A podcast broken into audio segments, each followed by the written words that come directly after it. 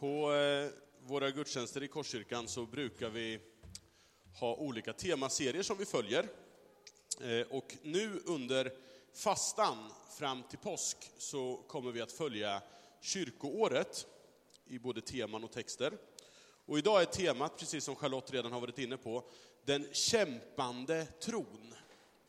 Och evangelietexten hämtar vi från Markus kapitel 14, vers 3-9. Och vi står upp när vi lyssnar på dagens evangelietext.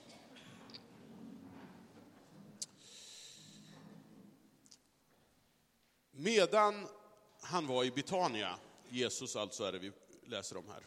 Medan han var i Betania och låg till bords hemma hos Simon den spetälske kom en kvinna med en flaska dyrbar äkta nardusbalsam.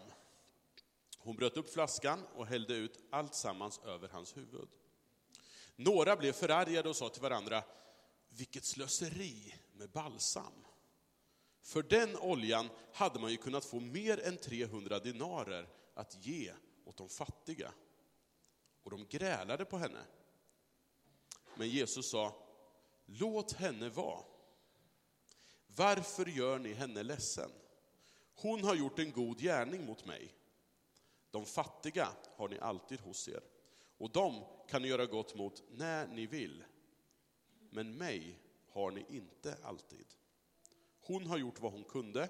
I förväg har hon sörjt för att min kropp blev smord till begravningen. Sannerligen, överallt i världen där evangeliet förkunnas ska man också berätta vad hon gjorde och komma ihåg henne. Varsågod och sitt.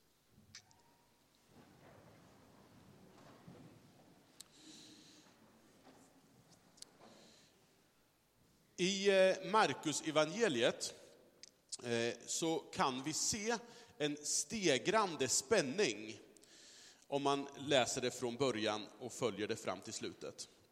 En spänning mellan Jesus å ena sidan och å andra sidan de som hade det religiösa tolkningsföreträdet i det samhället. De som vann på de rådande strukturerna.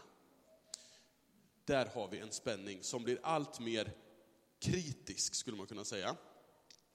Eh, och när Jesus i kapitel 11 rider in i Jerusalem, rensar templet och öppet undervisar kritik mot folkets ledarskap, så förstår vi att det här kommer kulminera i en slutgiltig upprättelse. Eller uppgörelse menar jag.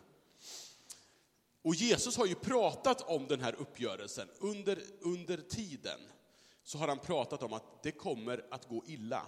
Jag kommer att överlämnas i fiendens händer, jag kommer att dö. Men lärjungarna verkar inte riktigt förstå det här. De, har så, de är så fast i de Messias förväntningar som rådde, så att de inte förstår att Jesus är Messias på ett annorlunda sätt. Och kapitel 14 då, nu är det, bara, det är liksom sista veckan här för Jesus börjar i vers 1-2, precis innan det här sammanhanget, så börjar det med att översteprästerna och de skriftlärda försöker komma på ett sätt. Hur ska vi göra för att döda Jesus?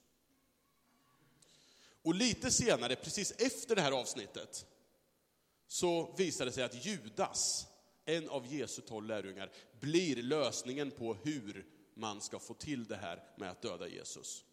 Vers 10-11 har vi där i 14 i kapitel 14. Och mitt emellan de här sakerna, mitt emellan konspirationen och lösningen på hur man ska få den här konspirationen till stånd, ligger den här berättelsen om den här måltiden hemma hos Simon den spetälske i Betania strax utanför Jerusalem.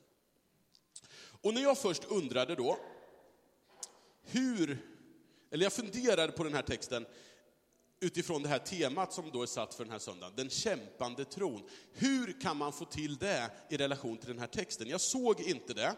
Jag tyckte det var långsökt och jag tyckte det var dåligt att det här temat gällde för den här söndagen.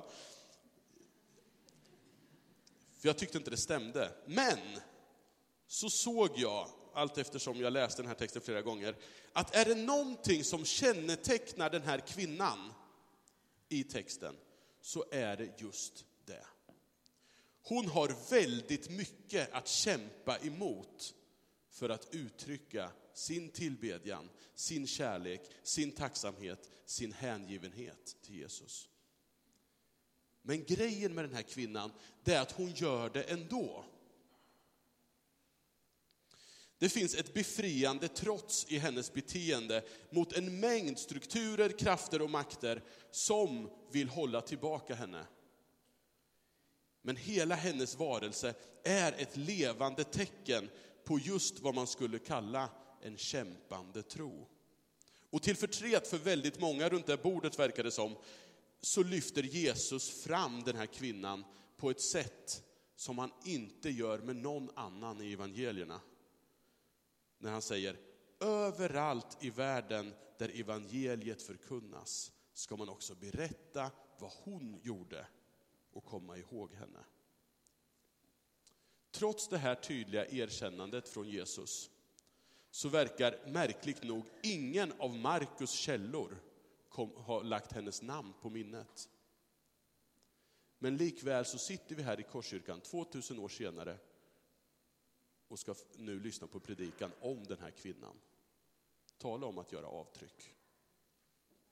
Och jag skulle vilja peka på några konkreta saker som den här kvinnans tro kämpar mot och fundera kring på vilket sätt delar vi hennes kamp. Det första handlar om sociala strukturer och konventioner. I Markus evangeliet så är det inte så svårt att se att Jesus kännetecknas av detta. Han utmanar gång på gång på gång förhärskande sociala strukturer, konventioner och gränser. Han rör vid de spetälska, han umgås med tullindrivare, han utmanar en strikt släkt och familjelojalitet. Han möter och hjälper icke-judar. Han undervisar om äktenskap på ett sätt som kraftigt förstärker kvinnans rättigheter och ställning. Han flyttar barnen från periferi till centrum, som vi såg nyss. Och så lyfter han fram barnet som föredöme också. Och det här är ju i linje med den här profetiska texten som vi läste tidigare från Jesaja, där en Jesus som befriar de fångna, befrielse från fångna, syn för de blinda, ni vet. Allt det här sammantaget retar upp de som gynnas av det rådande, men det rätar upp de som är under förtryck. Och den här kvinnan, hon verkar tillhöra de som rätas upp eller upprättas. Vi vet inte vem hon är. Men hon måste ju på något sätt ha följt Jesus, lyssnat på hans undervisning och hon verkar då ha upplevt någonting befriande, upprättande. Kanske hon möts av värdighet och respekt i mötet med Jesus. En kvinna kunde på den här tiden inte hur som helst gå in på en bjudning av det här slaget. Och framför allt skulle hon inte ställa till en scen och märkas på det sätt hon gör. Hon tar plats. Men hon gör det ändå, därför att hon längtar efter det. Och på något sätt så har mötet med Jesus gjort henne fri i relation till det massiva tryck som de här sociala förväntningarna lär ha utgjort. Hon är befriad att visa sin hängivenhet till Jesus, oavsett vad omgivningen tycker och tänker kring vad som är klädsamt och värdigt. Hennes beteende i en mansdominerad patriarkal struktur, det är ett trotsigt tecken på det gränsöverskridande och inkluderande rike som Jesus i ord och handling också gestaltat. Hon struntar högaktningsfullt i risken att bli hånad och förlöjligad. För i Jesu ögon så har hon upptäckt vem hon är. Och det är det enda som är viktigt för henne.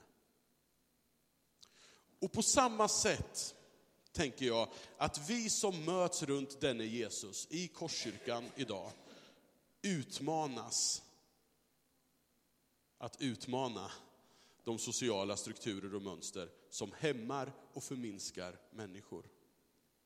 I veckan som var här så uppmärksammades den internationella kvinnodagen. Och sorgligt nog så är det väldigt tydligt att många människor, även i vår tid, precis som kvinnan i den här texten, hämmas, begränsas och förminskas av det enda skälet att de är kvinnor. Den bibliska visionen om de döptas gemenskap i Kristus, där ingen längre är jude eller grek, slav eller fri, man eller kvinna. Den visionen har fortfarande enorm bäring och relevans. Och kyrkan kanske i allmänhetens ögon inte är något lysande exempel på att vara särskilt progressiv på det här området. Men man var det i urkyrkan. Och faktum är att när baptismen, som den här församlingen är sprungen ur, bröt fram i Sverige, så var man en spjut, spjutspets i att ge, kvin, ge kvinnor talan och påverkansmöjligheter. På det sättet så var man en av flera bidragande faktorer till att hela samhället kom att förändras på det här området. Det är våra rötter. Och på samma sätt som den här kvinnan vågar trotsa de här strukturerna, så kallas vi som församling att också göra det i en värld som är så dominerad av orättfärdiga strukturer baserade på allt ifrån kön, hudfärg, ekonomiska förutsättningar, släkttillhörighet eller social status. Inga sådana strukturer, kan vi lära oss av den här kvinnan, behöver hämma oss i vår längtan och passion att göra det goda för Guds skull, till Guds ära. Och i förlängningen så kan det leda till att hela samhällen förändras. Det har hänt förut och så ser våra rötter ut, både från urkyrkan och svenskt 1800-tal. Det andra området som jag tycker mig se att kvinnans tro är en kamp emot, det är själviskheten. Vi får förmoda att den här balsamen som hon har här, nardusbalsam, var det mest dyrbara hon hade. Det var en exklusiv importvara från Indien till ett värde av 300 dinarer och det motsvarar en hel årslön för en vanlig arbetare på den tiden. Men istället för att spara flaskan till att använda den på sig själv eller som någon sorts försäkring i händelse av bistrare tider, så väljer hon att använda den här flaskan på Jesus. Nardusbalsam benämns i Gamla Testamentet som en välluktande olja värdig en kungs fest. Och hon tar det dyraste hon har för att tydligt manifestera att i hennes liv så är det inte hon själv som är kung, utan Jesus. Allt sedan syndafallet, berättas det om, så tenderar vi människor att se till oss själva främst. Att sätta oss själva i centrum i våra liv. Paulus kallar följaktligen själviskhet för ett avguderi i Kolosserbrevet 2. Och så talar han om människans kött som en makt i ständig strid med anden om ens handlingar och tankar. Och det här har ju alltid varit en kamp för människan. Men idag så lever vi i en tid då det nästan till och med blivit en dygd att satsa på sig själv och sitt eget självförverkligande. Argumentation som att man måste ju må bra själv för att kunna finnas till för andra. Eller, för att älska andra så måste jag ju älska mig själv. Är ju på ett sätt riktig men den är ganska försåtlig. För börjar vi i den änden, ja, men jag måste se, att, se till att jag älskar mig själv, jag måste se till att jag mår bra själv först. Då är frågan, kommer jag någonsin må tillräckligt bra för att kunna sträcka mig ut? Bibeln verkar mer vara inne på att själva givandet av sig själv och ens tillgångar bidrar till att man också får. Jesus ska ni få. Eller sök först hans rike och hans rättfärdighet så ska ni få allt det andra också. Den här kvinnan tar kampen mot köttet, sin själviskhet och slösar det finaste hon har på Jesus. Och därför är hon ihågkommen 2000 år senare. Om hon hade satsat på sig själv så hade ingen kommit ihåg henne.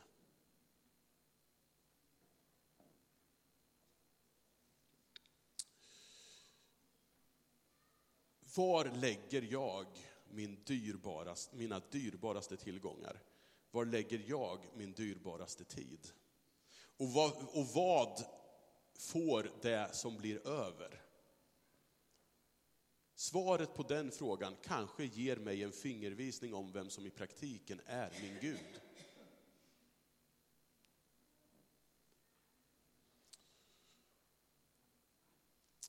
Ytterligare en sak som den här kvinnans tro kämpar mot, det är välformulerade, fromma argument. Den här händelsen verkar äga rum bland människor som gillar Jesus. Och det kan mycket väl vara alltså folk som följer Jesus som här reagerar negativt på den här kvinnans handlingar. Och man har ju ett till synes ganska starkt argument. De säger ingenting om att den här kvinnan beter sig olämpligt i manligt sällskap. Förmodligen tycker man det, men man anar att Jesus inte har så stora problem med det, så man använder inte det som argument. Man säger ingenting att de stör sig på hennes ohämmade hängivenhet, som man tycker nästan blir lite kladdig. För det väcker ju förmodligen känslan av att man själv borde visa lite mer av kärlek och hängivenhet till Jesus. Men man säger ingenting om det. Utan istället känns det lite grann som att man maskerar sin irritation på den här kvinnan genom att fromt argumentera för att de fattiga minsann hade kunnat få hjälp istället. Med de här pengarna som den här balsamen var värd. Och när Jesus då bemöter det så verkar han genomskåda det. Och så tillrättavisar han dem på samma sätt som han gjort tidigare när de tyckte att barnen störde. Samma lärjungar som tyckte att barnen störde. Flytta på er. De tycker att den här kvinnan stör. Och Jesus använder samma ordalag. Och så pekar Jesus ännu en gång på sin förestående död som de här lärjungarna inte verkar ha förstått alls är nära. De, om någon, borde värdesätta hans närvaro medan han ännu är hos dem. Och när nu någon visar honom en generositet och hängivenhet som han är värd, så surar de under förespeglingen att ja, men de tänker ju på de fattiga. Oj, vad fromma de blev plötsligt. Och det här kastar ljus, tycker jag, över ett stort och ganska förödande problem som jag ibland tycker att jag ser och som jag också gör mig skyldig till. Om jag spontant ska identifiera mig med någon i den här texten, om man läser den här berättelsen, vem är jag i den här berättelsen? Så skulle jag säga att jag tillhör dem som tycker att den här kvinnan borde inte slösa på den där balsamen. När någon vill göra något drastiskt för att tjäna Gud, eller visa Gud sin kärlek, glädje och hängivenhet, så kan vi alltid räkna med att de första som kommer med invändningar mot det, det är andra kristna.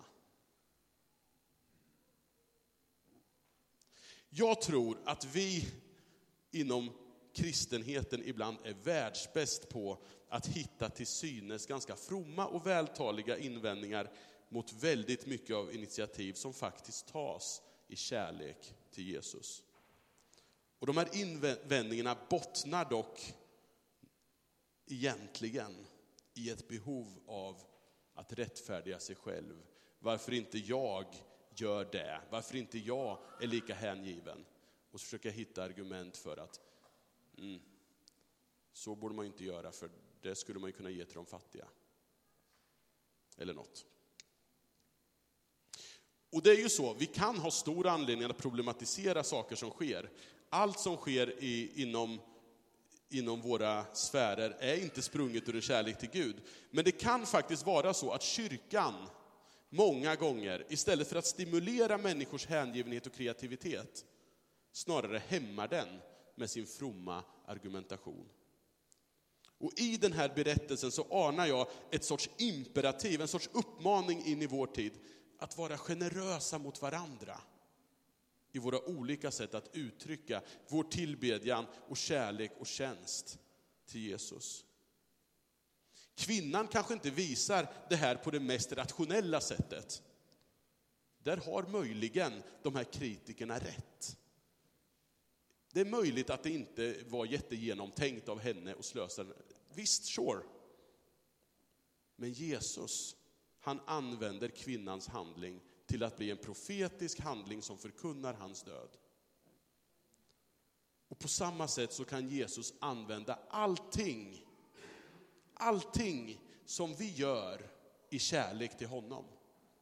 Hur konstigt och hur irrationellt det än kan te sig. För vad vi än gör så finns det alltid en massa, massa rationella skäl att låta bli.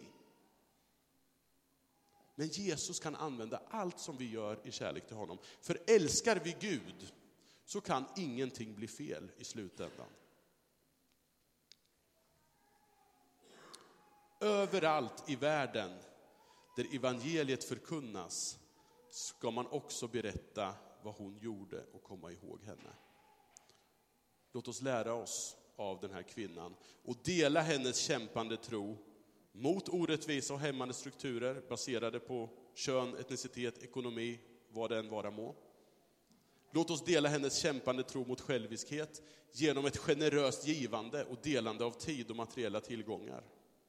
Låt oss vara vaksamma på att vi inte hämmar andra i sin hängivenhet och hur de vill uttrycka den. Utan istället fundera och fokusera på hur vi själva vill uttrycka vår kärlek och hängivenhet till Gud. Vi ber tillsammans. Tack Gud för att vi får vara här i Korskyrkan idag. Tack för vad du har gjort i våra liv. Tack för att du har dött och uppstått till frälsning och räddning och befrielse och upprättelse för den här världen. Och tack för att du har gjort det också för oss, för mig. Jag ber om hjälp att dela den kämpande tro som vi har sett exempel på i evangeliet idag. Tack för den här kvinnan som vågade ta kampen mot allt det som höll henne tillbaka. Och hjälp oss att lära oss av henne. Och tack för att om vi älskar dig så kan ingenting bli fel, utan du kan använda oss precis som vi är med de taffliga försök vi försöker göra, så kan du göra någonting fantastiskt av det. Tack för det Gud. I Jesu namn. Amen.